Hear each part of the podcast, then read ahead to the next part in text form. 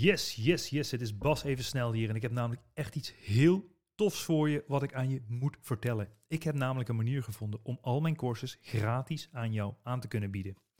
Ik heb meer dan 54 miljoen euro omzet gedaan in de e-commerce. Dus van wie leer je nou liever? Een guru die een auto huurt in Dubai of iemand die meer dan 10 jaar winstgevend is in de e-commerce? Als je liever niet van de guru leert en bewijs wilt zien van de 54 miljoen euro omzet, schrijf je dan gratis in voor al mijn trainingen op basdeeltuit.nl. Ik heb hier niks te verkopen. Je krijgt gratis toegang tot mijn unieke dwarsmethode. Al mijn e-commerce courses, gratis 1 op 1 coaching en een gratis ticket voor het e-commerce kickstart event waar ik jou alles van A tot Z ga uitleggen hoe jij een succesvolle e-commerce business kan gaan opzetten. Alles is letterlijk gratis. Er zitten hier geen addertjes onder het gras. Dit wordt namelijk mogelijk gemaakt door een subsidie die jij ook geheel gratis en kosteloos kan aanvragen. Je hoeft zelf niks voor te schieten en normaal kost dit pakket 2000 euro. Schrijf je snel in op basdeeltuit.nl om gratis toegang te krijgen tot dit hele spektakel. Ik zeg veel plezier met het luisteren van deze podcast en tot snel. Ciao, ciao. Dames en heren, vandaag zit naast mij Floris Wouterson. Yes. Floris is trotse vader van twee kinderen, twee Ja. prachtige kinderen. Is mede-eigenaar van Sleepwise. En hij maakt een transitie van de financiële wereld naar, als, naar slaap performance coach, zoals hij zichzelf noemt. Yes. Hij schreef onder andere het bestsellerboek Superslapen, is actief in de fundraising voor de Black Jagger Foundation. En dat is het grootste herbebossingsproject ter wereld. Hij heeft ook een slaapdetox in de markt aan het zetten momenteel. Floris, we gaan je eens even goed aan de tand voelen hoe jij Ja. dat allemaal doet. Daar maar. gaan we, hè? I'm ready. Je schuift je zit opzij en voelt je vogelvrij. Yeah.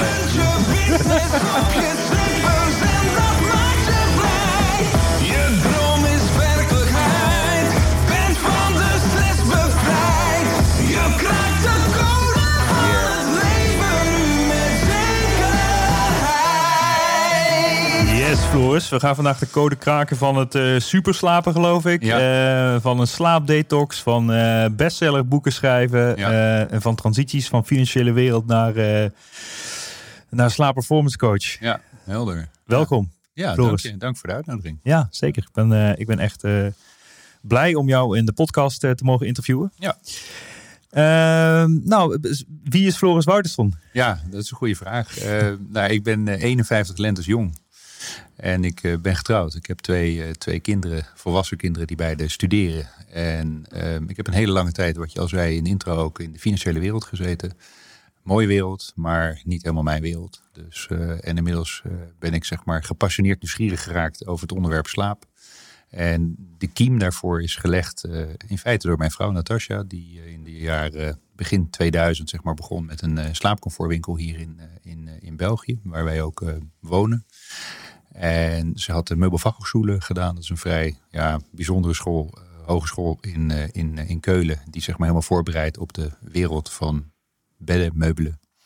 En alles wat ermee samenhangt, dat is de enige in, in Europa. En ehm, ja, ik ben daarbij betrokken geweest bij de oprichting daarvan. Toen zat ik ook nog wel in de financiële, in de financiële wereld.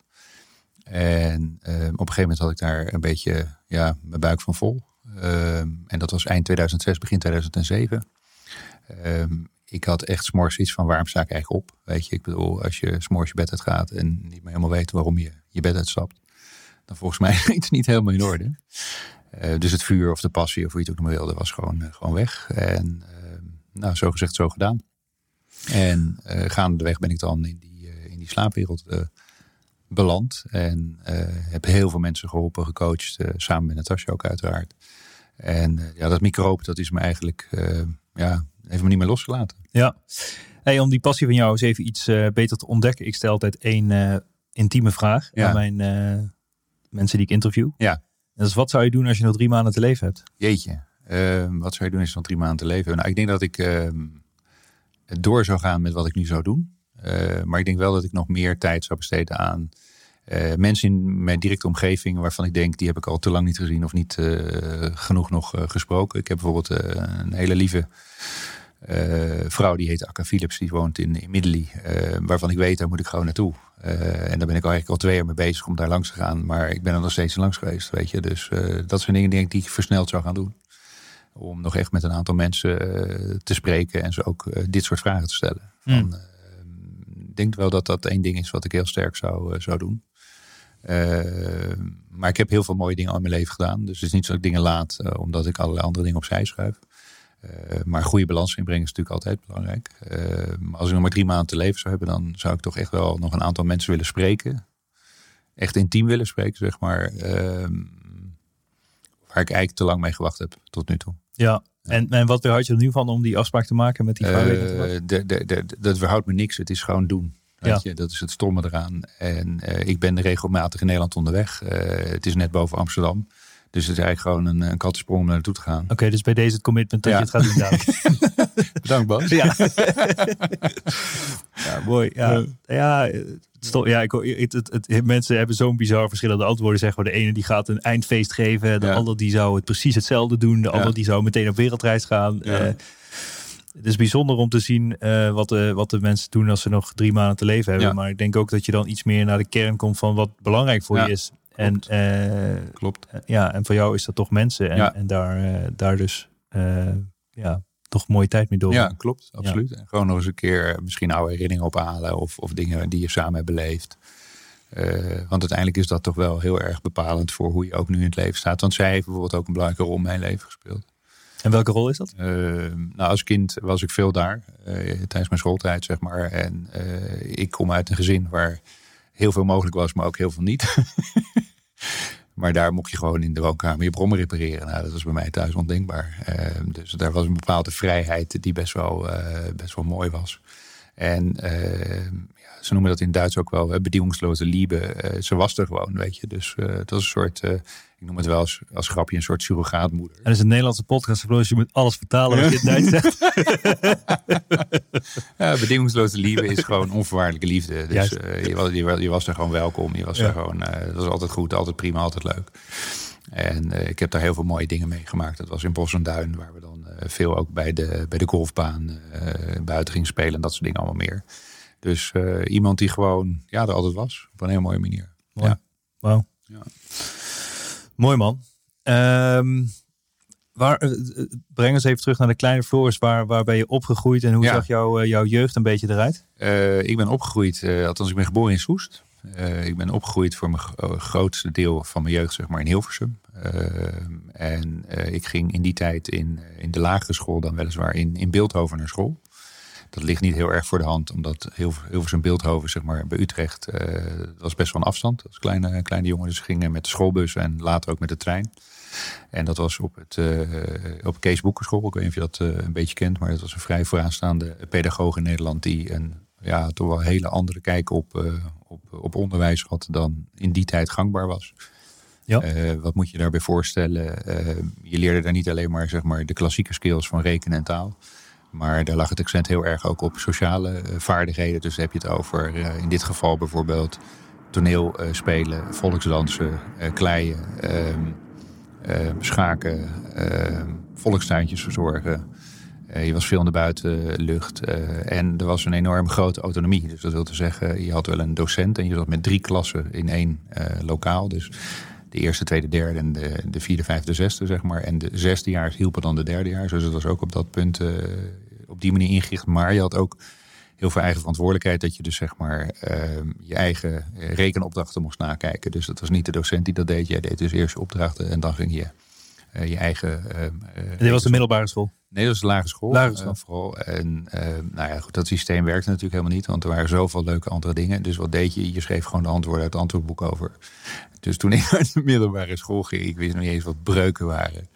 Laat staan eh D's en T's en dat soort grappen en gollen. Eh, dus ik heb toen wel een hele inhaalslag eh, moeten maken. Eh, maar ik heb daar wel een waanzinnige tijd gehad. Dus, eh, en daar waren mijn ouders best wel heel erg progressief. Dat ze dus vonden dat het klassieke onderwijssysteem zoals het in Nederland was...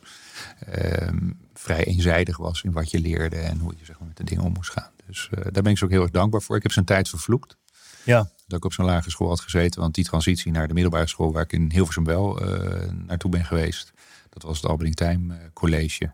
Nou goed, ik zat meer bij de conrector dan dat ik, eh, dan dat ik zeg maar in de les zat. Wat deed je allemaal voor fratsen uithalen? Nou goed, het was. Het was Ja, Frans in die zin, eh, we waren heel mondig geworden in, in, in, op die lagere school. Omdat je leerde volksdansen en voor groepen staan en spreken en noem het allemaal op. Ehm, en ehm, als je het ergens niet mee eens was, mocht je opstaan. Dan mocht je democratische discussie opstarten. En zeggen, nou, ik vind dat we deze dag geen huiswerk moeten hebben of dit of dat. En die lijn trok ik door, zeg maar, op de middelbare school. Nou, dat was niet gebruikt dat jij in de les ging opstaan bij aardeskunde en zei: Hé, hey, meneer aardeskundeleraar, ik vind het eigenlijk helemaal niks dat je mijn huiswerk meegeeft, want ik heb vanmiddag andere dingen te doen. Uh, nou goed, dat leer je wel heel snel af hoor. Dus uh, ik heb dat een tijdje gedaan, maar dan merk je gewoon dat je daar niet mee, mee weg kunt. en dan moest je zeg maar in het klassieke schoolsysteem gewoon van met huiswerk en dit en dat. Dus dat heeft wel denk ik een half jaar of zo geduurd voordat ik snapte hoe het eigenlijk in een normale school eraan toe ging. en, en kwamen toen al een beetje die ondernemerskills naar boven? Dat jij op slinkse wijze al je punten bij elkaar sprokkelde? Of? Nee, dat is eigenlijk veel later gekomen. Dat ondernemende. Uh, ik heb daarna zeg maar HO gedaan in, ja. uh, in, in Haarlem. En dat was toen een hele nieuwe uh, studierichting. Dus je had zeg maar de klassieke commerciële economie uh, richting. Jij hebt volgens mij ook in Haarlem uh, gezeten. Klopt. Ja. En in 1987 waren dat de heer Wijnberg en de gebroeders Veemeijer... die daar de small business school of richting opzetten. En dat was gewoon nieuw ground. Hè. Dat was gewoon echt iets nieuws voor, voor Nederland. En uh, ik was de tweede lichting daar. En daar ben ik echt wel heel erg met het ondernemen in, in contact gekomen. En natuurlijk kom ik uit een ondernemende familie. Uh, dus het zit er wel een beetje, een beetje van daaruit in. Maar daar ben ik begonnen met, zeg maar, ik ging dan naar Multicopy. Dat was zo'n soort drukkerijketen. En toen was visitekaartjes nog helemaal niet zo gebruikelijk. En toen vroeg ik, heb je iets van, van overcapaciteit? Nou, die had hij wel. Ik zei, nou, als ik nou met visitekaartjes kom en niet echt een deadline heb wanneer ik het moet hebben, dan ga ik die verkopen en dan kon ik een betere prijs bij hem bedingen. En dan verkocht ik visitekaartjes bijvoorbeeld uh, in, in Haarlem. En wat we ook deden met de nieuwjaarsstudenten, dus het tweede jaar, dan uh, gingen we ergens een oude partij trui opkopen en lieten een soort logo maken met small business erop en weet ik veel wat. En dan verkochten we aan het begin van het schooljaar aan al die nieuwe studenten, verkochten we dan, uh, dat deed ik samen met mijn vriendje Niels, uh, verkochten we dan van, die, van, van, ja, van die hoodies, zeg maar. Ja. Die we dan ergens goedkoop gekocht hadden. En, ehm, dus dat waren wel een aantal initiatieven die we deden. Uh, rond die tijd. Uh, en verder had je natuurlijk uh, ja, je studentenjob. Weet je. Ik bedoel, ik stond dan in de uiver achter de bar. En ik, heb, ik ben een tijdje, nou, ik, nog niet eens een tijdje, ik denk twee dagen kamermeisje geweest met een hotel. Kamermeisje was ja, je? Ja, en dan kom je in een, in hotelkamers en je wil niet weten wat mensen daar uitspoken. en dan had iemand zijn haar zwart geverfd en de hele badkamer was één grote vieze zwarte shit. Nou, ik denk, dit ga ik niet lang doen. dus ik heb dat, ik heb dat denk ik één keer uh, meegemaakt. Ik denk, nou, uh, toedeledokie. Dus daar ben ik gewoon mee, uh, mee ja. gestopt. En, maar mijn mooiste job die ik had, ik had eigenlijk twee jobs die ik heel erg leuk vond. Ehm, ik had toen al mijn eigen bedrijfje, zeg maar, ingeschreven bij de Kamer van Koophandel. Dat deed ik met vier andere mannen. En ehm, dat deden we eigenlijk al een soort detachering bij, bij de Rijksgebouwendienst in die tijd. En ik heb in mijn HBO-tijd, zeg maar, ook nog mijn toen vakopleiding uh, Stichting Makelaardij gedaan. Mijn SOM heette dat. Dat was toen nog een beëdigd beroep, uh, makelaardij. Dus dat heb ik er nog bij gedaan. Dus ik had ook heel veel kennis, zeg maar, een beetje op, die, op dat moment al van, van huurrecht en privaatrecht, publiekrecht, uh, bouwkunde, dat soort dingen allemaal meer. Dus heb ik op de huurafdeling daar gezeten. Maar dan moesten we bijvoorbeeld, dat heette toen de operatie Taskforce. En nou, de directie Noordwest in Haarlem. die had een huurportefeuille van ongeveer 60 miljoen, 60 miljoen gulden in die tijd. Um, en uh, daar deed het beheer van al die huurportefeuilles, van al die panden en weet ik wat allemaal. En dan werkte ik mee op die afdeling, zeg maar. Maar soms waren het hele simpele uitzoekjobjes. En dan namen een andere student, die werkte in. En dan doe jij dat uitzoekjobje. En dan zat er altijd een leuk stukje marge tussen. En dat was in die tijd heel erg lucratief als student. We verdienden dan niet echt de hoofdprijs. Maar in die tijd was dat heel erg mooi om te doen. Dus dat was je eerste echte bedrijf? Ja, dat was ik mee. Maar dat deed ik met vier mensen samen. Ja, dus we waren met z'n vijf. Ja, we waren met z'n vijf inderdaad. En één, uh, dat was Steven Witteveen die tijd, die had die contacten en die had het allemaal een beetje opgebouwd. En uh, zo ben ik er een beetje ingerold. En uh, ja, sindsdien heb ik wel weer in de tussentijd natuurlijk voor een, voor een werkgever gewerkt. In dit geval de Rabobank en ook bij Insinger Beaufort heb ik gezeten. maar in die tijd ben ik al echt een beetje met ondernemen gestart. Ja. ja. En wat spookte je bij die, bij die bank uit? Ja, bij die bank heb ik natuurlijk uh, een heleboel uh, dingen uitgesproken. Maar hoofdzakelijk deed ik daar private banking, zoals het heet. Dus je uh, adviseerde zeg maar rijke, vermogende particulieren met hun, met hun beleggingen. dus dat is het, het, het merendeel wat ik gedaan had. Dan had je natuurlijk twee vormen. Je had zeg maar discretionair beheer. Dus dat wilde zeggen dat jij het mandaat had van de klant en eigenlijk eigenhandig dingen kon doen in portefeuilles.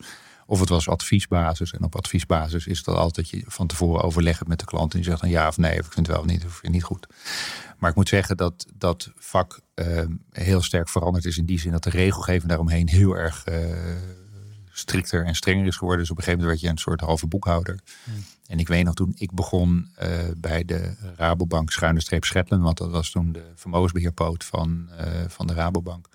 Zaten er geloof ik twee mensen op compliance. En compliance zijn de mensen zeg maar die eh, over je schouder meekijken. Of je geen dingetjes doet eh, met voorkennis of, frontrunning of weet ik wat.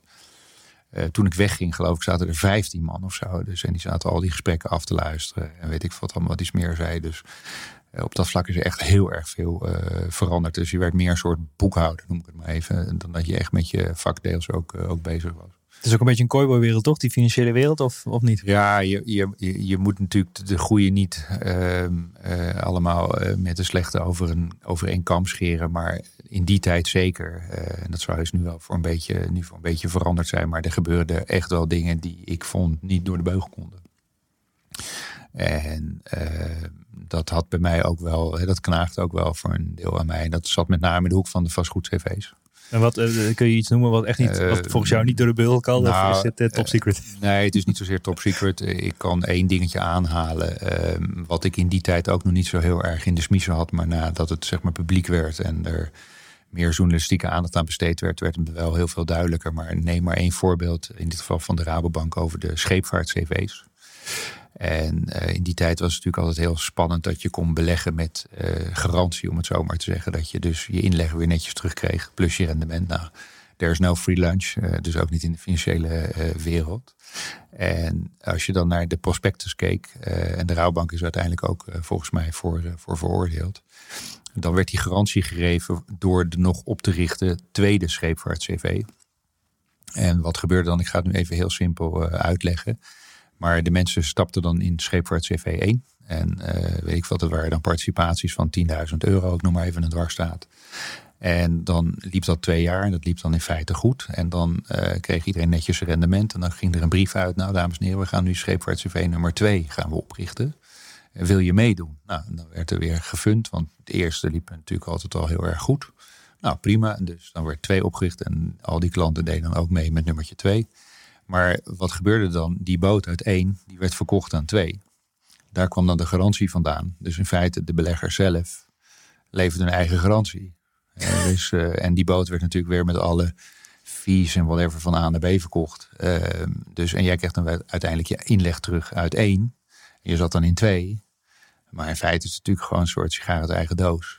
Ja. Eh, waar En zo rolde dat soort van eindeloos door. ja. Dit is één voorbeeld. hè. Ik kan er nog wel veel meer noemen. Maar, Ja. En, eh, Er wordt ja, creatief gespeculeerd in ieder geval. Juist, het is, het, is, het is echt goed. Maar ondernemen is ook een beetje creatief zijn. En Ja. eh, aan zich heb ik er ook niet echt di- direct moeite of problemen mee. Maar het is niet helemaal kies. hè. het is niet helemaal transparant. En uiteindelijk is dat ook... eh, maar goed, het speelt allemaal in de jaren... Eind, eh, eind 90 jaren, begin, begin 2000, zo'n beetje rond die periode. Dat we ook in een enorme hype zaten. De Nasdaq stond boven de 5000 punten. En eh, hoe meer verlies een bedrijf had, hoe hoger de koers ging. dus Ja, was ja, sowieso echt eh, helemaal van God los. Maar ik heb er ontzettend veel geleerd. Heel veel mensenkennis opgedaan. Eh, eh, dus, dus, dus het heeft me ook heel erg veel gebracht. Alleen de voldoening haalde ik er niet echt uit. Nee. En, en eh, hoe lang heb je in die bank? eh Der- 13 jaar al. 13, 13 jaar, Ja. dat is al een hele tijd.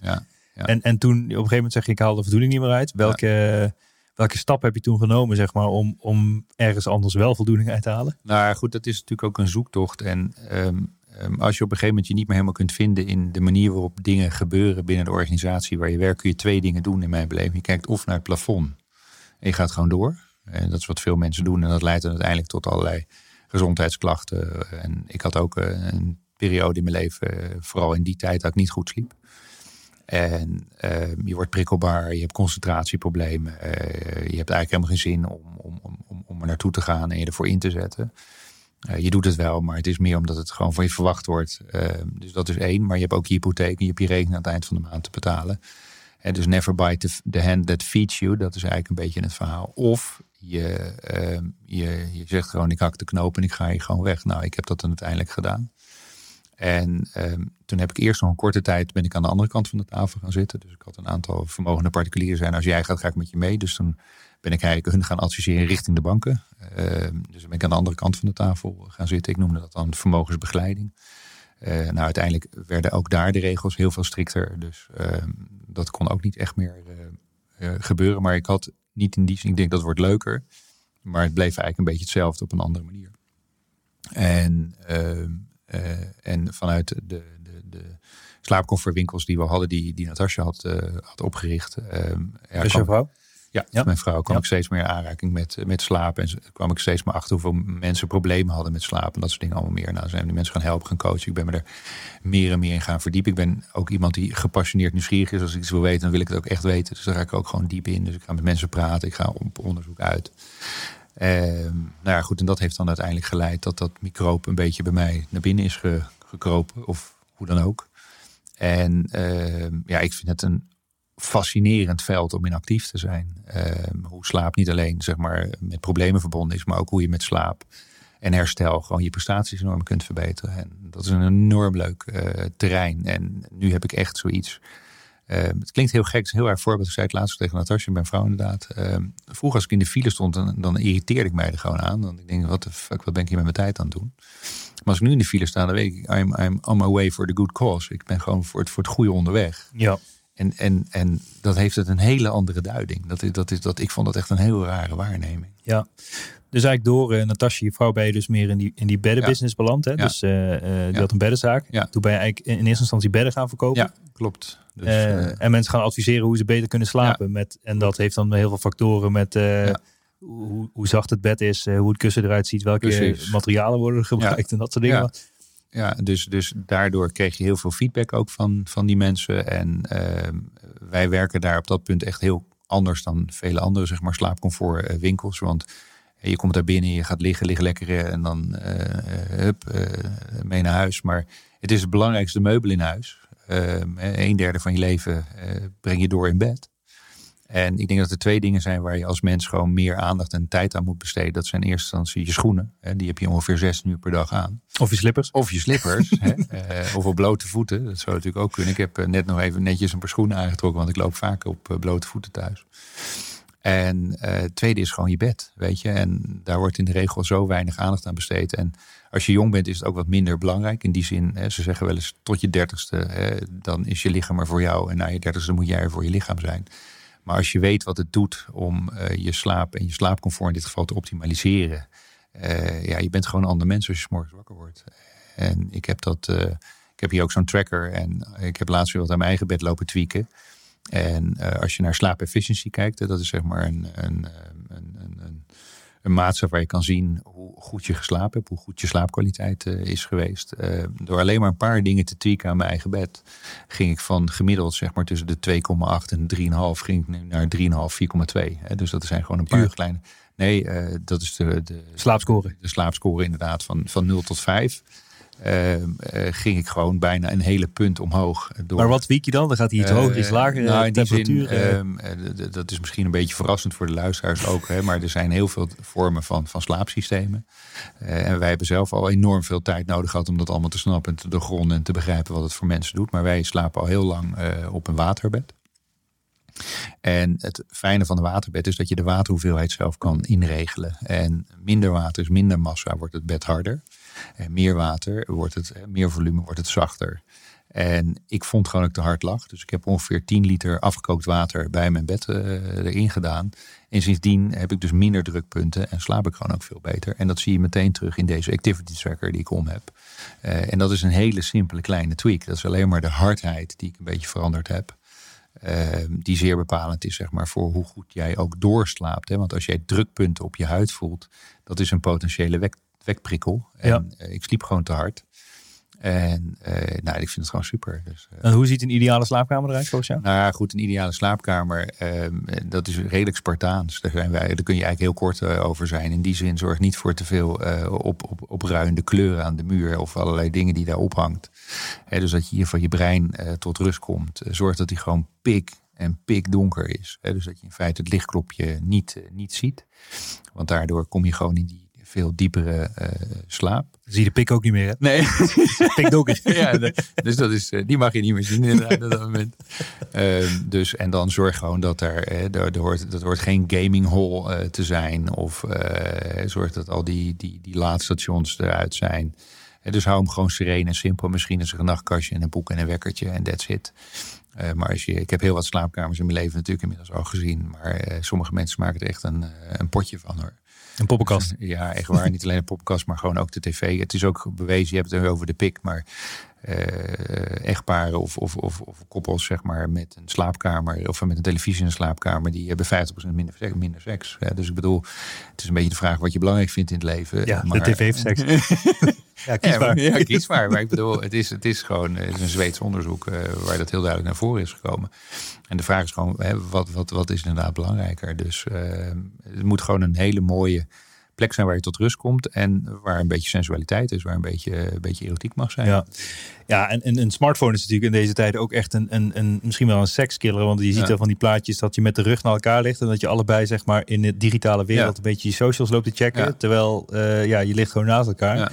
En dan op een gegeven moment Ja. is het, eh, nou wat rusten. Een Ja. kusje en dan ga je slapen. Ja, ik vind het sick. Eh, ik heb, eh, wat je al zei, in mijn boek Superslapen hoofdstuk 3 gaat een heel deel over de smartphone en alles wat met elektromagnetische straling te maken heeft.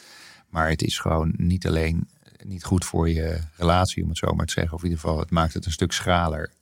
Maar het is ook gewoon voor je slaapkilling. Eh, dus, en er is een heel mooi onderzoek gedaan door de, de smartphone-industrie zelf, wat best wel verwonderlijk is. Eh, dat is een Engels onderzoek geweest, waarbij ze dus eh, ik denk dat inmiddels overigens in Nederland, eh denk ik 60, 70 procent van de mensen heeft zo'n smartphone op zijn nachtkastje liggen tijdens de, tijdens de nacht. Ehm, en dan kun je natuurlijk op vliegtuigstand zetten of dat doen de meesten, die zetten hem op stil. En eh, toen hebben ze dus mensen laten slapen. En slaap is golven, zoals je weet. Hè. Dus je hebt verschillende golven. En bijvoorbeeld de delta golven, dat is slow wave sleep. Dus dat zijn de lage, langzame, trage golven. Die staan garant voor diepslaap. En die zijn heel erg belangrijk voor het herstel van je lichaam en voor het leggen van geheugensporen. En eh, toen hebben ze die telefoon eh, daar neergelegd. Dan hebben ze twee dingen gedaan. Ze hebben gewoon notificaties laten binnenkomen. Ze hebben dus gezien, deze mensen zijn nu in diepslaap, laten ze notificatie binnenkomen. Dus er komt er gewoon een, een tweet of whatever komt binnen. Mhm. En ze hebben ook gewoon eh, zeg maar die mensen gebeld op het moment dat het op het nachtkastje lag, de telefoon. Op stil, weliswaar. En dan worden de delta-golven gewoon direct onderdrukt. Gewoon direct. Dus je gaat meteen uit je diepslaap. En het duurt bijna een uur tot een uur en een kwartier voordat de mensen weer terug in hun diepe slaapfase zijn. Dus het verstoort gewoon je belangrijkste herstelslaap in feite. En eh, ja, goed, dat soort dingen moet je gewoon weten, vind ik. En ik ben niet tegen de smartphone en ik ben niet tegen digital. Eh, ik zeg alleen, je moet er veel bewuster mee omgaan. Je hoeft het niet achter in de tuin te begraven. Eh, maar zeker ook bij kinderen is het ook gewoon heel erg slecht voor hersenontwikkeling en dat soort dingen al meer. Want dat gebeurt vooral ook in de slaap. Eh, zeker de eerste 17, 18 jaar eh, zijn de hersenen in volle ontwikkeling. En die smartphones doen daar geen, eh, geen goed aan. Ja, bizar. Ik, eh, ik, ik zie het zo. Ik, ik slaap zelf zonder smartphone in mijn slaapkamer, gelukkig. Ja, maar je ligt altijd beneden. Ja. Maar toch, het is misschien ook een veilig gevoel dat als je in bed ligt en je hebt het idee van, nou, er komt een inbreker in huis, Ja. dan heb ik tenminste mijn telefoon bij me. ja, Dus eigenlijk moet je een soort van noodtelefoon of zo in je slaapkamer leggen. Een of ander oud Nokiaatje met, Ja. een, eh, met een prepaid simkaartje erin, dat Ja. je 1 in 2 kan bellen. ja.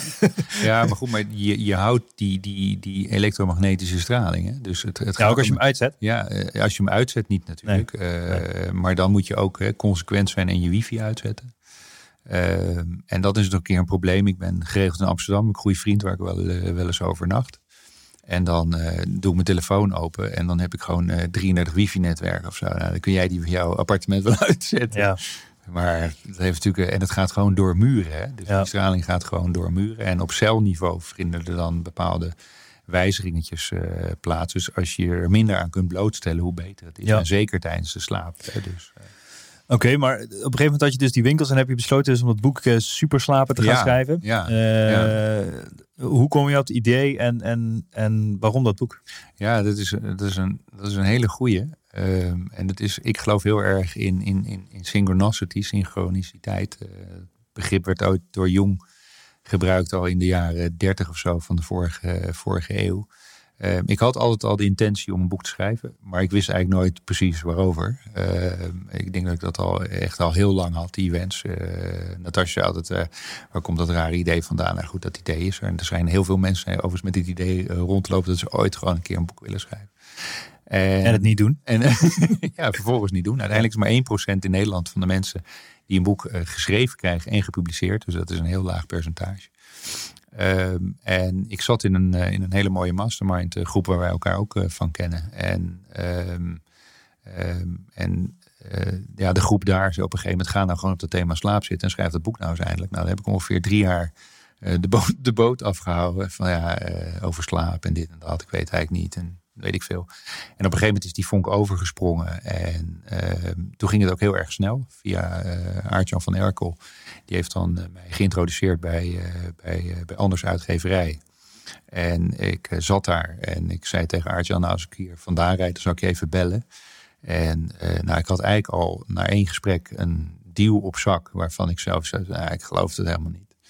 Dus ik belde Aart-Jan op, nou zo en zo is het gelopen. Nou, zegt hij, ik geloof dat jij wel een, uh, al een contract hebt. Ik zeg, maar dat is niet gebruikelijk, zei Aart-Jan. Nou, ik zei, nou, het zou wel. En ik had toen nog de arrogantie. Ik zei, nou, ik ga nog eens bij een andere uitgever luisteren. Ja. Terwijl het best wel uniek is als je al een goede, mooie uitgever hebt die met jou, zeg maar, aan de slag wil. En uh, nou, ik denk ongeveer drie weken later was ik er weer. Dat was begin december. Uh, toen hebben we getekend. december 2017. Nou, en toen hadden we het commitment, althans had ik afgegeven, dat ik het in 1 juni 2018 zou het manuscript klaar moeten zijn. Ja, hoeveel tijd is dat? Nou, dat was in een maand of vijf. Was ja. dat. Uh, maar dat is niet helemaal representatief hoor, want ik had al een keer daar tijd daarvoor een maand of drie geschreven. Uh, en dat materiaal heb ik voor een deel weer kunnen, kunnen hergebruiken.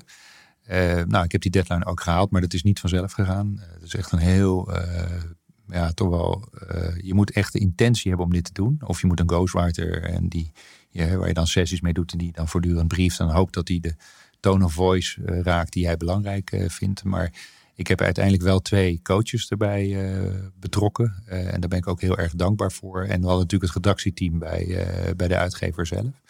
Maar ik had één iemand, dat was Aartjan, die me heel erg geholpen heeft bij zeg maar, de hele marketinginsteek die belangrijk is. Uh, dus, dus je backflap, hè, dus hoe noem je dat? Uh, de, de, achterkant van je boek is heel erg belangrijk. Dat het een, lekker aansprekend uh, verhaaltje is. Want op basis alleen maar van dat verhaal bepalen mensen of ze het wel of niet gaan kopen. En de inhoudsopgave. Nou, daar hebben we heel veel tijd aan besteed. Ik heb met Aartjan dan voor een deel aan gewerkt. En voorts heb ik ook nog een auteursbegeleider gekregen. Die heel erg inhoudelijk heeft gekeken. Want Um, ik kan weliswaar goed schrijven, uh, maar uh, er zijn mensen die dat nog veel beter kunnen. Ja. en die hebben er dan een heel fijn en heel mooi en heel goed leesbaar boek uh, van gemaakt. En ehm, ja, zo is dat eigenlijk een beetje gelopen. En alleen al door het schrijven van een boek word je nog een groter expert, want je leert er enorm veel van. Ja, je hebt natuurlijk veel bronnen nodig ja. ook om je boek helemaal rond Precies. te maken. Dus je leest Ja. zelf 30 boeken en vervolgens schrijf je één boek met eh, een mix, van die mix, van die informatie. Ja, en veel rapporten. En je gaat ook met mensen praten. En eh, dus dat hele research stuk heb ik ook ontdekt dat ik dat ontzettend leuk vind. En het schrijven van een boek heb ik ook in mijn dankwoord eh, gezet. Is ook een beetje iets, een soort eh, meditatief iets. Hè? Dus ehm, je, je, spoelt je leven eigenlijk voor een deel terug.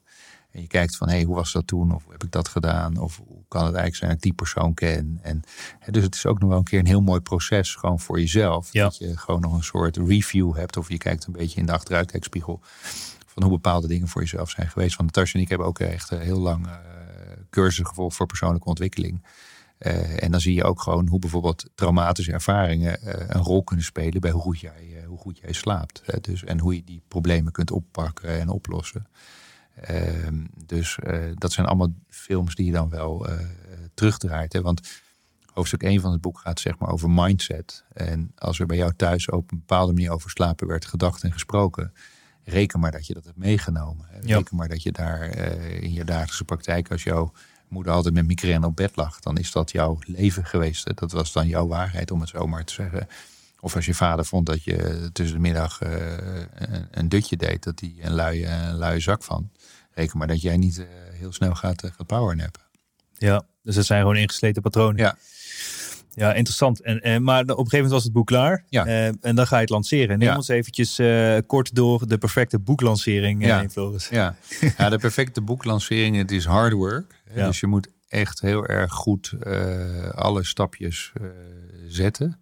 En daar ook dus niet eh, sparen tussen aanhalingstekens. Want even als je naar de cijfers eh, kijkt. Ik, eh, ik woon dan in, eh, in, in België. Ik heb het boek in Nederland en België uitgegeven. Dus hier in België bij Lano en in Nederland eh, bij Anders uitgeverijen. Die werken met elkaar eh, samen. Eh, dus het lag hier ook in alle standaard boekwinkels en dergelijke. Maar wat in ieder geval een heel belangrijke eh, tip is om te doen, is dat je niet aan één format denkt. Dus zorg dat het als audioboek beschikbaar is. Eh, zorg dat het als fysiek boek eh, beschikbaar is en als e-book beschikbaar is. Dus dan heb je al drie eh, verschillende formats. Nou, het opnemen van een audioboek is echt wel even een dingetje. Ik bedoel, je moet dan in zo'n zo'n kleine cabine zitten en dan je eigen tekst die je ooit geschreven hebt, moet je dan gaan zitten voorlezen. Met bepaalde intonatie, met bepaalde energie. Nou, je kunt ongeveer een drie uur lang kun je dat volhouden. En dan zakt de energie gewoon weg. En dan is die, is dat, eh, nou, dus ik ben een aantal dagen naar Utrecht geweest. eh, bij Koen uh, Huigevoort heb ik dat gedaan. Hele leuke gast trouwens ook. eh, heb ik dan mijn audioboek eh, opgenomen. Dan heb je ook nog een heleboel retakes. Maar dat kost dus tijd en energie en geld. eh, wat je er wel in moet willen, willen steken. Dus dat is in ieder geval stap 1 die heel erg belangrijk is. Vervolgens is het heel erg belangrijk dat je de stoute schoen durft aan te trekken. En met mensen eh, uit je netwerk zegt, zou jij tien boekjes willen kopen? En zou jij tien boekjes willen kopen? En die kun je dan cadeau doen of whatever. En die signeer ik dan wel voor je. Dus het is ook heel erg belangrijk dat je gewoon in je netwerk... of eventueel bedrijven waar je voor werkt... of, of, of, of wij in onze winkels hebben mensen natuurlijk ook verleid om boeken te kopen. Dus als je al een soort beginvoorraad boeken hebt... eh, die je al verkocht hebt voordat het op de markt is... dat is heel erg belangrijk. Want dat bepaalt natuurlijk voor een deel ook eh, de, hoe zou ik dat zeggen, de, de charge waar je dan in komt.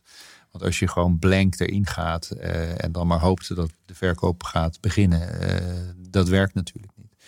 Dan heel belangrijk is dat je al een hoop eh buzz, hè, hoe noem je dat, een beetje spanning eromheen creëert. Dus dat had ik met een speciale sneak preview pagina gedaan. Daar omheen ook zeg maar voortdurend gedeeld waar ik mee bezig was, maar ook hoe de cover eruit ging zien. Dus dat de mensen al eigenlijk een beetje een, kunnen gaan meeleven met het boek. Ja, je, hele- je deelt gewoon het hele proces. Ja, dat is echt ook heel belangrijk. En dan ging ik af en toe in het begin eh, wel eens in, eh, in kroeg A schrijven of in kroeg B. Ik weet nog dat ik in Kevin Nation hier in Antwerpen ging schrijven. Nou, nam ik daar een live eh, videootje over op. Eh, Ik ga nu hier naartoe en ik ga het daarover hebben. Heb je nog vragen? Eh, Vind je dit een interessant onderwerp? Eh, en dergelijke. Dus dat soort dingen zijn heel erg eh, belangrijk. En natuurlijk moet je dan ook zorgen dat je een soort eh, lanceringscampagne klaar hebt staan. Ik heb dan, dan samen met Managementboek heb ik ook een eh, soort eh, online webinar gegeven. En dat was dan de eh, de, de, de online boekpresentatie. En dan heb ik hier in België in een van onze winkels een eh, grote fysieke boekpresentatie gegeven. Eh, dus dat is ook een belangrijk verhaal. Maar het begint wel, vind ik, bij het gewoon het schrijven van een verdomd goed boek. Ja. want je kunt wel allerlei ja, trucken uit de doos halen. Dat is leuk en dat helpt ook. Maar uiteindelijk, eh, de, de doorverkoop, noem ik het maar even, zit hem erin dat mensen tevreden zijn over het boek. En eh, er ook echt waarde uit halen en er ook echt iets aan hebben. En we zijn nu inmiddels in zesde druk, denk ik. Eh, dus dat is hartstikke mooi. Mooi. Dus ik denk dat we ergens rond de zeven of 7.500 boeken of zo zitten. En, en, en wat heel mooi is, inmiddels zijn we in de laatste fase en dan gaat het ook naar het, naar het Duits. En ehm, ja, dat is nog weer een hele andere ballgame. Dus eh, als je Oostenrijk, Zwitserland en Duitsland met elkaar optelt, nou, dat is eh, x keer Nederland. Zeker. En eh, dat vind ik ook heel erg spannend. Ik heb mijn tijd in mijn leven ook in Duitsland gewoond en gewerkt. En ehm, ja, het lijkt me heel erg spannend om daar gewoon ook mee aan de slag te gaan. Super gaaf. Dus je gaat internationaal. Ja, en we gaan dan ook zelfs voor een stuk internationaal. Dus. En ook omdat die landen veel groter zijn, praat je ook over hele andere aantallen. Hè. Ja. Dus Nederland is qua, qua grootte net zo groot als één provincie van Duitsland, Noord-Rijn-Westfalen. Ja. Ook met ongeveer hetzelfde aantal inwoners. Eh, Ja. en dat is dan één dingetje, weet je. En Ja. dat is dan factor 10 of 12. Dus, eh, en, en Duitsland is nog wel wat, wat, wat klassieker in hoe ze de dingen doen. Dus wij lopen in Nederland best wel voorop met onze online marketing eh, technieken, noem ik het maar even. En hoe je zeg maar zo'n boek omhoog weet te, te, te, te, stuwen. Ja. Eh, maar daar is ook gewoon het krachtenveld veel groter. Ja. Eh, dus, eh, Ja, wat dat betreft lijkt het ook veel een lancering van een product op een marketplace zoals Bol of Amazon. Weet je, je is in- eigenlijk ja, ik leer andere mensen dat, maar het is eigenlijk in basis hetzelfde. Hè? Ja. Je, je documenteert je hele reis, Ja. je deelt alles waar je mee bezig bent. Klopt. Je zorgt dat mensen engaged zijn met Ja. datgene wat je doet. Je bouwt een lijst op. Eh, je zorgt dat kopers klaar zijn op het moment dat je lanceert. Je lanceert het. Eh, je, als heel veel mensen klaarstaan om het te kopen, ga je hoog in de rankings. Ben je nummer één, verkoop je nog meer, kom je in de media en Klopt. gaat het hele balletje rond. Ja, zo is het. zo is het. Ja, en media is ook echt een heel belangrijk aspect. Hè? Dus dat je ook eh, een goede mediaadviseur hebt. Ik heb die ook eh, in mijn team eh, eh, gezet, zeg maar. En die heeft hele goede pers, persberichten geschreven. En dat was ook gewoon heel waardevol. dat je ook zeg maar in de kwaliteitspers terechtkomt. Hè? Want Ja. je hebt natuurlijk een heleboel bladen die leuk zijn. Maar die hebben minder impact. Maar als je bijvoorbeeld een keer met je boek in een, in een NRC terechtkomt. Ehm, en daar heb ik dan bijvoorbeeld een, een five-star rating gekregen. De NRC doet jaarlijks niet zo heel veel boeken die een five-star rating krijgen. Nou, dat is een enorme boost voor, je, voor je boek. Dus je had hem gelanceerd eigenlijk en daarna begint het hele mediacircus Ja, eigenlijk. Volgens klopt. mij ben je redelijk goed in dat hele Ja. mediaspectakel geweest. Ja, dat klopt. Kun je een korte samenvatting geven welke kanalen je allemaal bent geweest? Of zijn dat al te veel om op te noemen? Nou, dus, ik, ik, ik kan er heel wat opnoemen. hoor. Ik ben in de zomer bij Art eh, geweest. Ik ben in heel veel eh, Radio 1, Radio 2, Radio Art 3. van, eh, Eh, Roy ja. Precies, Art, Art, Art, ja, Art. Maar hij heet eigenlijk Maarten. Heet, hij. Dat is de rest? Ja, ja, ja, maar hij heeft daar, ja, Maarten zit het woord Art ook, ook in. ja. Ehm, dus eh, op televisie inderdaad. Eh, ik ben een heleboel podcasts eh, ook geweest, zoals Eindbazen of eh, nou, ja, zijn er genoeg op te noemen, zeg maar. Eh, en, en dit jaar ook weer. En deze podcast ook vind ik Ja. heel erg leuk. En dan natuurlijk het NRC en ook het Algemeen Dagblad. Ehm, ja, het zijn er te veel om op te noemen. Ja, de radio. Ja. de radio, het nieuwsuur was heel erg leuk om, om op een zaterdagochtend. eh, wat ook heel erg belangrijk is, zeg maar, als je met je boek in de weer bent, om te kijken hoe je kunt inhaken op actualiteit. En eh, naar de zomer toe heb je zoiets dat heet Zwarte Zaterdag. Nou, daar had ik een, eh, een, een, een parodie op verzonnen. Hè, want vermoeid achter het stuur kruipen is wat heel veel mensen doen en wat niet zo heel erg handig is. En dat had ik zeg maar de laatste campagne in Nederland vanuit de overheid gestuurd is uit 2011. Dat je geen slaaprijder moet zijn achter het stuur. En daar had ik op ingehaakt bij Zwarte Zaterdag. En toen was ik eh, bij een heleboel radioprogramma's eh, daar te horen samen met Veilig Verkeer Nederland. Eh, en wat je er dus aan kan doen om niet te vermoeid achter je stuur te kruipen. Wat je vooral anders zou kunnen, kunnen doen. En dat gaat dan, ja, ik noem het maar even viraal. Dus één nieuwszender pakt dat op. En dan eh boem, boem, boem, boem, boem. Dan alle vier, vijf RTL komt dan achteraan. En die komt erachteraan, die komt erachteraan. En voor je het weet ben je de hele dag met de media in de weer. ja. En dan doe je niet heel veel andere dingen meer hoor. En eh, eh, dan ben je veel in de media, zeg maar. Ja. Wat voor een effect zie je dat dat heeft? Nou, dat heeft in ieder geval eh, veel effect in die zin. Ik geef veel lezingen en workshops. En dan zie je toch mensen dat ze op basis daarvan op jou bekend worden. En dan op je website is natuurlijk wel ook belangrijk dat je laat zien wat je doet. Hè. Dus ik geef vooral lezingen en workshops. Vind ik heel erg leuk om te doen. En ik creëer mooie, mooie content. En dan komen de aanvragen binnen voor, voor lezingen. Dus ik geef dan lezingen voor Deutsche Bank. Ik heb voor Van eh, ik schrijf blogs voor ASR Verzekeringen. eh, Die ook eh, de nieuwe polishouders, zeg maar, loopt in hun actie. Waarbij ze mijn boek dan ca- cadeau krijgen als ze een nieuwe, nieuwe autopolis afsluiten. Ehm, dus je moet ook, vind ik wel, ondernemend en een beetje creatief zijn om te zien waar kan ik dit op een slimme en leuke manier inzetten. En ehm, eh, er zijn heel veel mensen die natuurlijk met vitaliteit en gezondheid eh, bezig zijn. Dus alleen welke deur gebruik je? Ga je met de deur van het eten naar binnen of ga je met de deur van het bewegen naar binnen? Nee, ik ga met de deur van slapen naar binnen. En dan moet je gewoon kijken hoe kun je daar creatief mee omgaan. Dus ik zou heel graag iets met de ANWB bijvoorbeeld willen doen. Dus dan heb je het ook weer over rijden en veiligheid achter het stuur. Ehm, ik zou het heel leuk vinden om met de Rijksoverheid een nieuwe campagne rondom slaap te lanceren. Die heb ik toen, hè, eh, pak je slaap, wordt geen Jaap Gaap genoemd, geloof ik. eh, Pak je eh, slaap, wordt geen Jaap Gaap. Ja, precies. Hè. Dus je hebt Bob en dan hebben we deze, Ja. deze heb ik maar Jaap, Jaap genoemd. Gaap. Dus dat vond ik wel een leuke. Nou, dat wordt dan opgepakt en dat gaat dan mee. Dus het is ook belangrijk dat je een beetje ja, creatief durft te zijn en op een leuke manier met de content omgaat. Dat het ook gewoon nieuwswaardig is om er iets mee te gaan doen. Ja. Als je het hebt over het woord jetlag. Hè, jetlag is niet spannend, maar als je het hebt over jet stress, dan is hey, dat is weer iets anders. Wat zou dat dan zijn? Ja.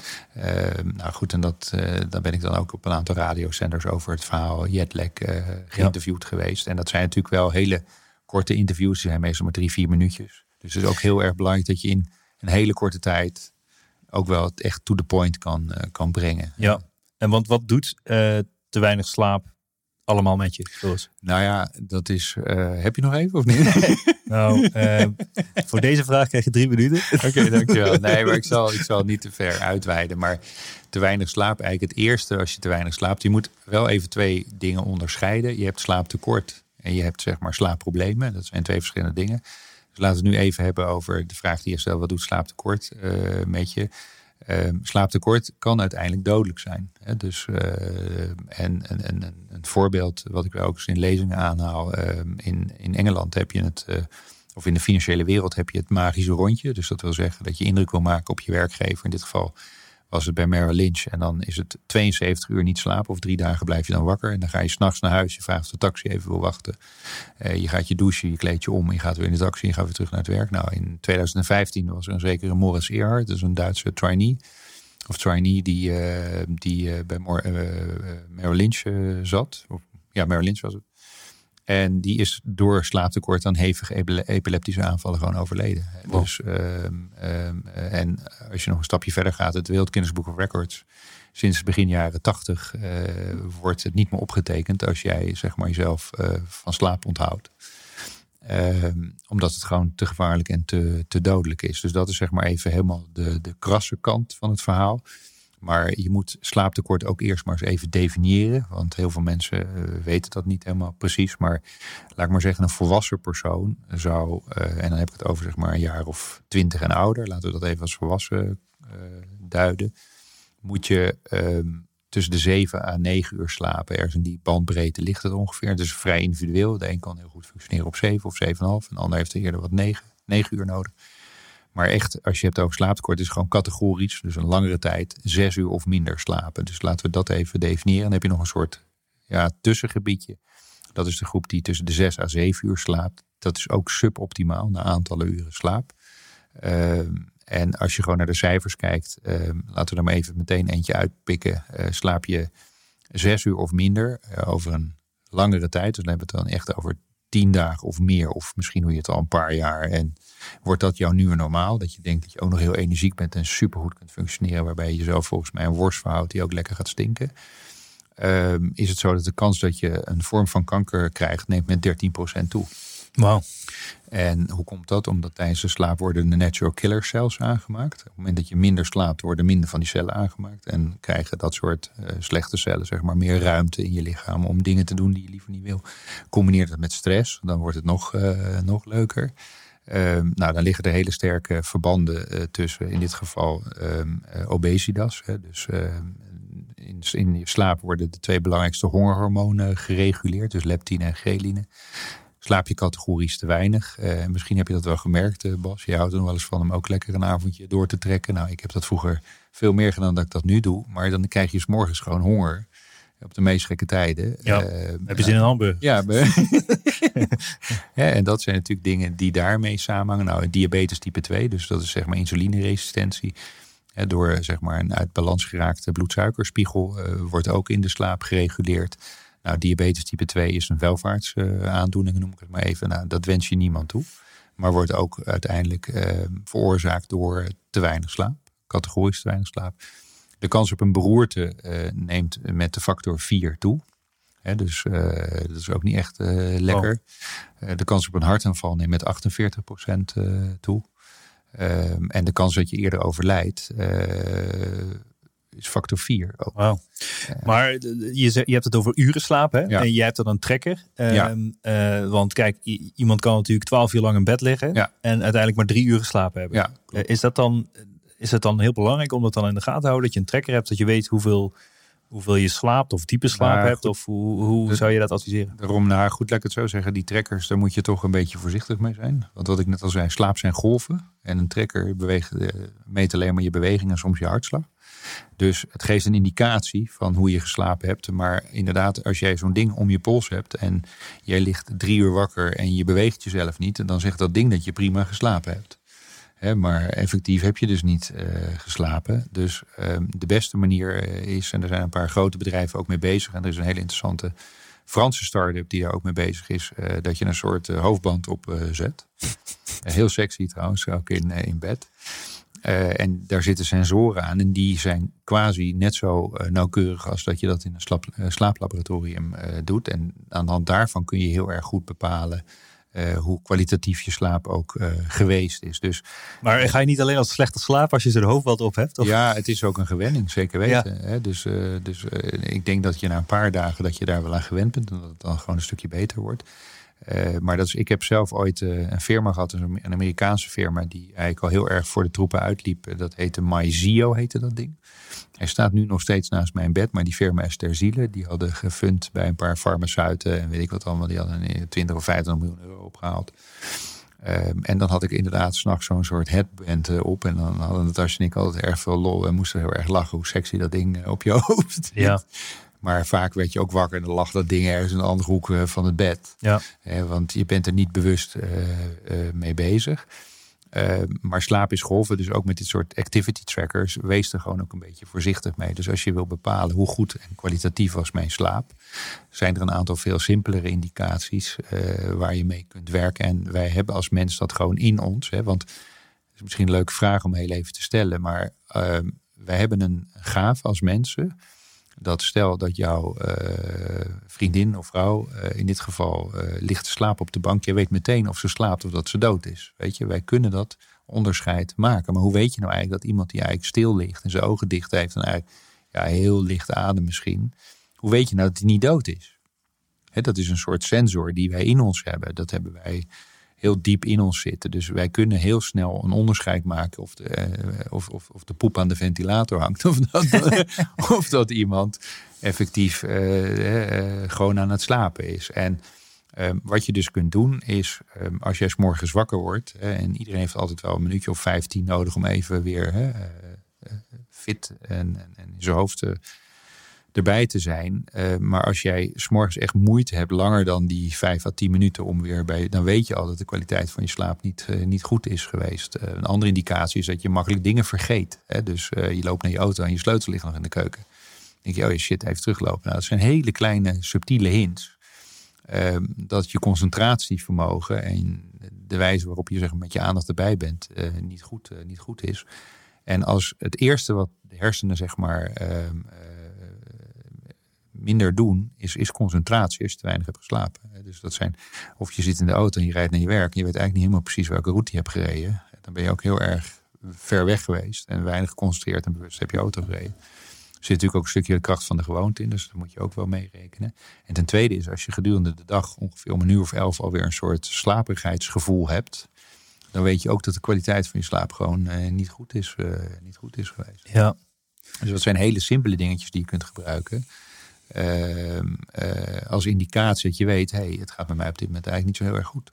Ja. En, ik heb niet, eh, niet- en de meeste mensen weten van zichzelf wel of ze wel of niet goed geslapen hebben. Precies, en ook voor sporters is het natuurlijk een hele belangrijke Ja. graadmeter. Ik geloof dat Joop Zoetemelk zei, de Tour win je in ja, bed. klopt, dat zei hij al in 1980. Ja, dus je moet gewoon goed slapen, wil je überhaupt goed kunnen presteren. En dat geldt voor eh, eigenlijk prestaties in het algeheel. Of je nou naar kantoor gaat of dat je, dat je topsport aan het oefenen bent. Dat is, maar dat is het grappige. Hè? Ik, ik, ik heb een tijd ook ondernemers en, en, en, en, en sporters eh, begeleid. Die sporters hoef ik nooit uit te leggen dat het belangrijk is. Want die hangen bij wijze van spreken aan je lippen. En die gaan gewoon al die dingen die ik ze aanreik meteen toepassen. Maar die ondernemers moet ik eerst gewoon zeg maar eh, vier weken erop rondkloppen. Om ze überhaupt van het belang van slaap eh, te overtuigen. Eh, want ze hebben allemaal zoiets van eh zonde van mijn tijd. En ik wil dat uurtje nog even doorgaan. Terwijl het Ja. gewoon precies omgekeerd is. Je kunt beter een uur extra pauze nemen. Waardoor je veel en veel beter gaat functioneren. Ja. Ik wil het ook nog ergens anders over hebben, want jij doet ook fundraising voor de Black Jagger Ja. Foundation. Eh, wat is de Black Jagger Foundation? En ehm, ja, Ja, de Black Jaguar Foundation is opgericht door eh, een van mijn beste maatjes. Eh, ben Valks is dat. En dat is die gaan doen in 2011, als ik het goed heb. ja, volgens mij is het ook een hele inspirerende vogel, toch? Hij heeft een boek geschreven. Ja, en, eh, dus zou, je zou je zeker voor de volgende podcast een keertje Ja, kunnen uitnodigen. Hij heeft een boek geschreven. Ehm, ik ken hem heel goed. Het is een studiemaatje van me. Ik ken hem meer dan 30 jaar. En no Risk, No Life heet zijn No boek, Risk, toch? No Life heet zijn boek zijn inderdaad. wat- betere titels. Ja, en wat hij gedaan heeft in eh, 1992, toen wij klaar waren met onze studie, is hij naar Dubai eh, verkast. En toen was Dubai nog gewoon helemaal niets. Dat was gewoon echt een zandbak. En eh, verder was er eh, niets in de zin van wat je nu allemaal met die palmeilanden en die hoge gebouwen en al die poppenkast die je daar nu ziet. En daar is hij echt letterlijk begonnen op een sinaasappelkissie om uh, in dit geval ontziltingsinstallaties voor zout naar zoet water uh, te maken. Pompsystemen voor zwembaden, in dit geval dan. Uh, en, en hij is koppelsystemen voor oliepijpleidingen, is die zeg maar vanuit Europa gaan vertegenwoordigen in het Midden-Oosten. Dat deed hij dan in acht à negen landen, behalve Israël. Dus hij deed het in Iran en Irak en in Syrië en in nou, al die landen die daar een beetje in die hoek zitten. In de Middle East. En uh, nou, dat heeft hij tot een best wel hele succesvolle business uh, opgezet. Ik heb hem dan een keer bezocht, uh, nog helemaal aan het begin. Hij woonde toen in een van de appartementen naast een moskee. Dus we werden zes keer per dag werden we, zeg maar... Wakker getoeterd? Ja, toegezongen en vroeg op, zeg maar. En we zijn er drie keer geweest, dus we hebben die hele poppenkast daar ook zien, zien ontstaan in, in Dubai. En op een gegeven moment heeft hij daar zijn, zijn business verkocht. En toen had hij het plan, ik ga met de motor van noord naar zuid. En uh, nou, best wel een ambitieus uh, plan heeft hij ook gedaan. En uh, tijdens die hele trip, het heeft bijna twee jaar geduurd zo dat hij dat gedaan heeft, is hij ook in de Amazone terechtgekomen. En daar was hij gewoon shocked wat er allemaal gebeurde, zeg maar, met, met, het, met het oerwoud. Maar niet alleen de Amazone, want de steppen die eronder ligt, dat is ook een heel mooi ecosysteem. Uh, daar gebeuren natuurlijk ook de meest gekke, gekke dingen. En daar, uh, uiteindelijk toen hij helemaal tot het zuiden was geweest, is hij daar inderdaad een boek over gaan schrijven, Original Life. De opbrengst is daar naar een uh, soort kinderweeshuis gegaan in Guatemala. Nu gaat de opbrengst van het boek overigens naar de Black Jaguar Foundation. Maar daar is hij dan begonnen om die, die Black Jaguar uh, op te richten. En hij wilde gewoon weer de natuurlijke habitat voor die beesten herstellen. De Black Jaguar is eigenlijk de icony, want het is een albino. Hè? Dus er zijn ongeveer nog 15.000 panters in, uh, in, in Brazilië. En daarvan zijn er ongeveer 600 zwart. En die worden ook heel erg gekild, want die eten zeg maar het vee op. Uh, dus daar worden boomy traps gezet en van die vallen en weet ik wat allemaal. Dus die beesten zijn eigenlijk ook een beetje met uitsterven op dat punt bedreigd. Um, en nou, daar met het project is die gestart. En ik heb gewoon vanaf dag één gezegd met Natasja, wij ondersteunen dat gewoon. Dus we hebben ook uh, meteen daar een donatie uh, gedaan. En ik ben me heel erg gaan inzetten voor de fundraising daarvoor. Ja. En inmiddels hebben we echt uh, al heel wat geld binnengehaald, waardoor we daar dat hele project hebben kunnen kickstarten. Inmiddels is er een team van, ik denk een mannetje of tien echt aan biologen. We werken samen met de Universiteit van Sao Paulo. Uh, we hebben heel veel landowners die hun gronden ter beschikking stellen. Want ze moeten een deel, 20% van hun grond moeten teruggeven aan de natuur. En die 20% die vullen wij zeg maar in.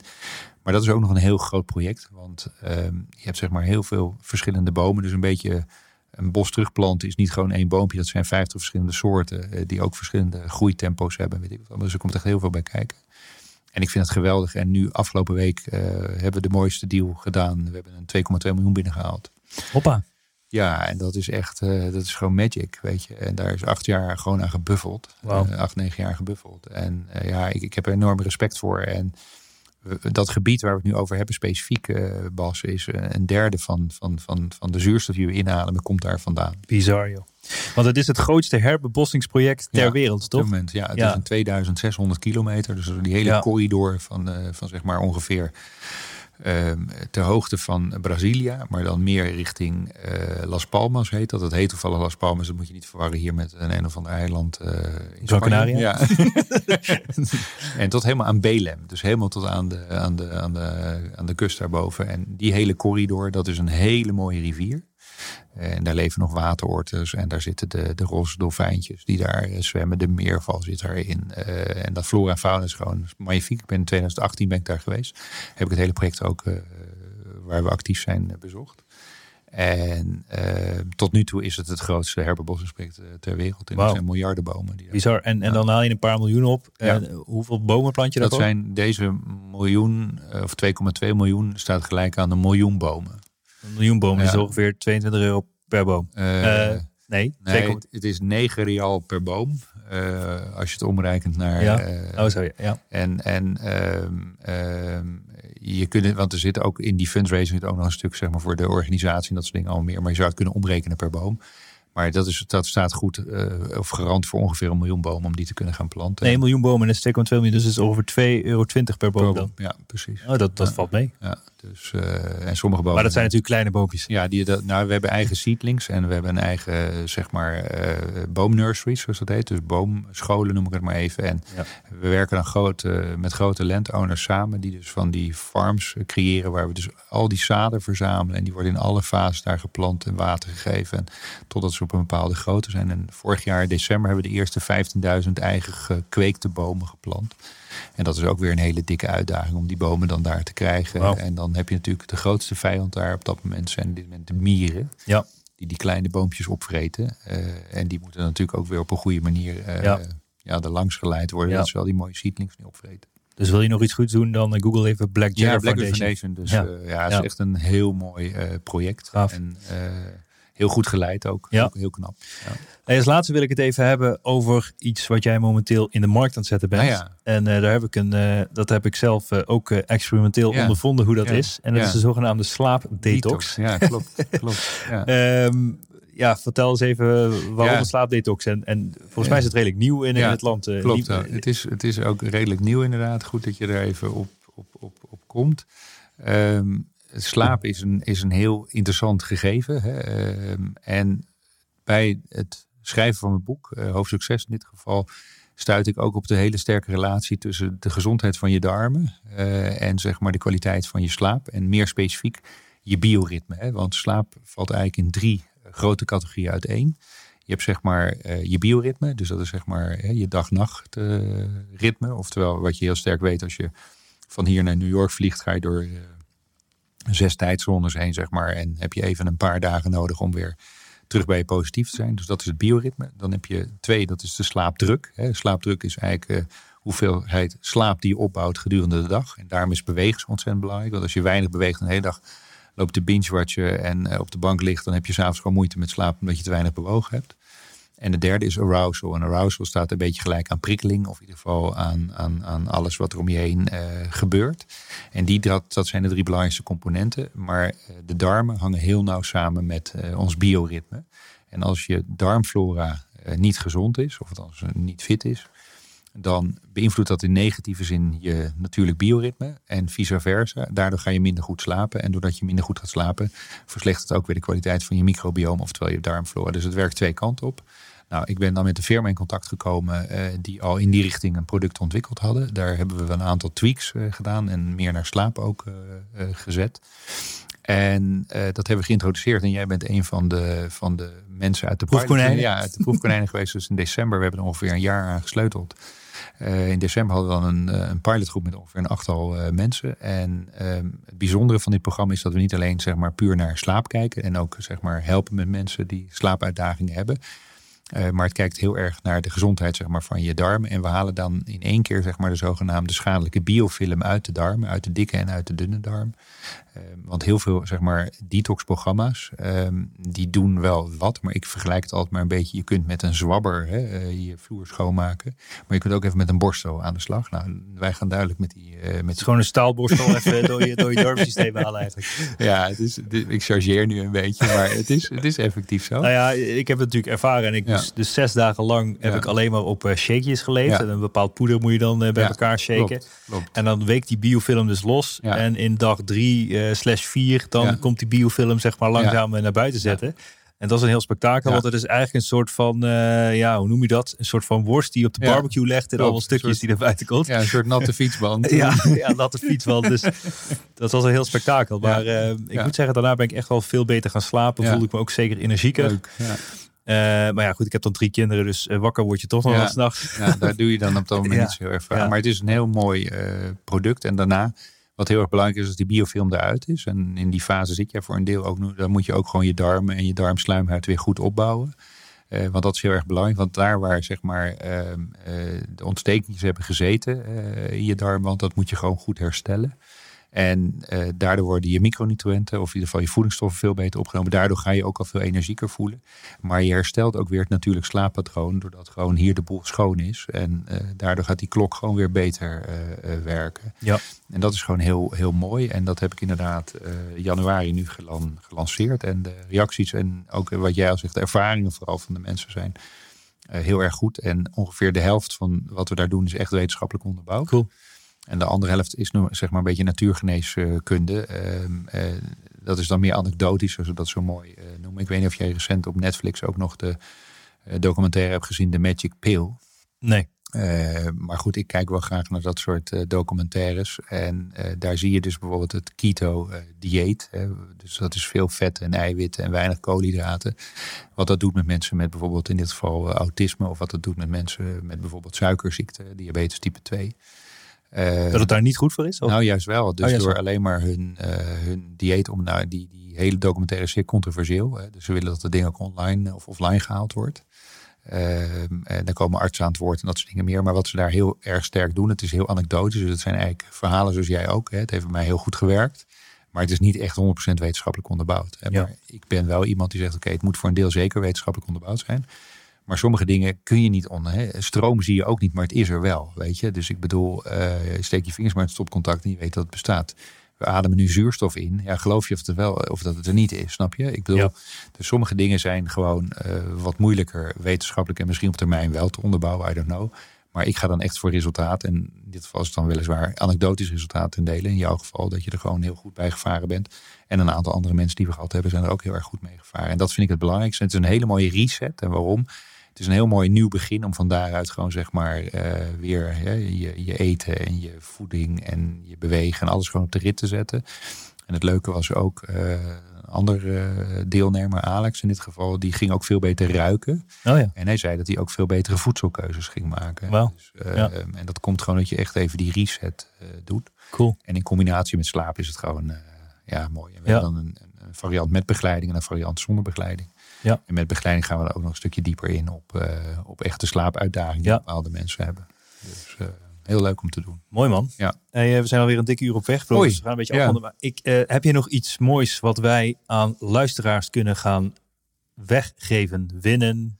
Eh, heb je mooie e-books? Wil je een paar boeken weggeven? Eh, ik zet je een beetje voor het blok, maar Ja, ja dat mag eh, misschien kun je Dat on the spot iets prachtigs Nou, bedenken waar, eh, waar mensen iets mee kunnen. Ehm, wat, ik, wat ik leuk vind, we, we kunnen twee dingen doen. Of we kunnen meerdere dingen doen, maar laten we één ding doen. Eh, voor die die daarin geïnteresseerd zouden zijn voor de slaapdetox. Vind ik het heel Ja. erg leuk om er één, zeg maar, ter beschikking te stellen. Maar op die manier dat we zeggen, ehm, de supplementen en dergelijke, die moet je gewoon zelf aanschaffen. Maar dan krijg je voor mij de, gewoon de, de coaching bij. Ja. En eh, dat is wel heel erg mooi. Dus dat is normaal iets waar ik eh, 500 euro voor, eh, voor vraag.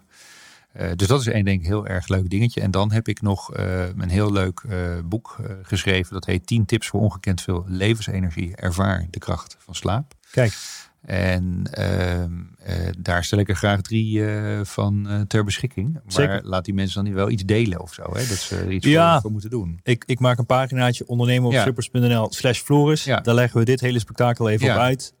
dan kunnen mensen dus kans maken op het boek. En meer informatie eventueel vinden over jouw slaapdetox. Ja, hartstikke leuk. Ja. Dus, en dat is ook echt waar mensen iets aan hebben. En die 10 tips voor ongekend veel levensenergie, dat zijn echt 10 hele waardevolle tips. Eh, en ik gebruik die vaak bij mijn lezingen. Ja. Ehm, en het is een. Moeten we even een trigger erin gooien. Tip 4 is echt extreem. Ja, die maar we vertellen hem niet. Ja, maar in combinatie met. eh, weet je, die, nou, die is nog veel beter. Ja, ja, ja, super Nee, cool. het is echt een, eh, een heel leuk boek. En vooral bij lezingen zet ik die in. Omdat mensen eerder dunne boekjes dan dikke boeken Ja. lezen. En waar kunnen mensen meer over jou lezen? Eh, nou, we hebben in ieder geval mijn eigen website. Dat is floriswouterson.com. Dus www.floriswouterson.com. Dan als je echt eh, uitzonderlijk goed slaapcomfort wil, merk onafhankelijk. ehm, dan kun je naar www.sleepwise.be. En daar werken we sec en alleen maar op afspraak. Dus daar kom je niet gewoon maar binnen. Je gaat een beetje liggen en, dergelijke. Dus dan maak je gewoon een afspraak. En dan kijken we niet alleen naar het bed, maar kijken we echt naar de persoon achter de klant. Wat echt super belangrijk is om te kijken wat zijn nou je slaapgewoontes en waar loop je tegenaan, hoe kunnen we optimaliseren en dat soort dingetjes allemaal meer. En dan hebben we natuurlijk eh, www.slaapdetox.nl. Hè, dus, eh, en dan voor mijn boek eh, superslapen.nu. Ja. Ehm, dat zijn zeg maar de vier websites waar je mij kunt, kunt vinden. Mooi man. Ja. Floris, ik vond het een zeer mooi gesprek. Ja, Bedankt. dankjewel. Dat je in de podcast was. Ja. En ehm, ja, ja, jij bedankt voor het podium. En Ja, dat ik zeker, mijn man. verhaal met je mocht delen. top. Ja. hey, daar gaan we Floris. Okidoki. Bedankt voor het luisteren naar de Ondernemen op Slippers podcast. Check voor meer informatie ondernemenopslippers.nl.